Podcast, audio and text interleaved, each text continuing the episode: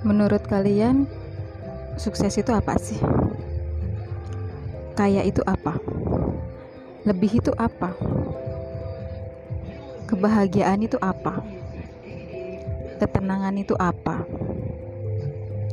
Apakah orang yang punya harta berlimpah itu bisa sukses? Hmm, kayaknya enak juga sih dibahas di podcast kali ini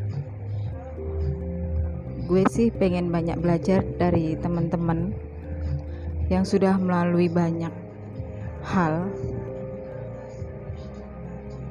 yang kekayaan dan kelebihannya itu bukan hanya dari materi.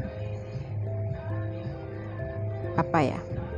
Yuk kita coba sama-sama belajar di podcast Beleza kali ini. Check it out.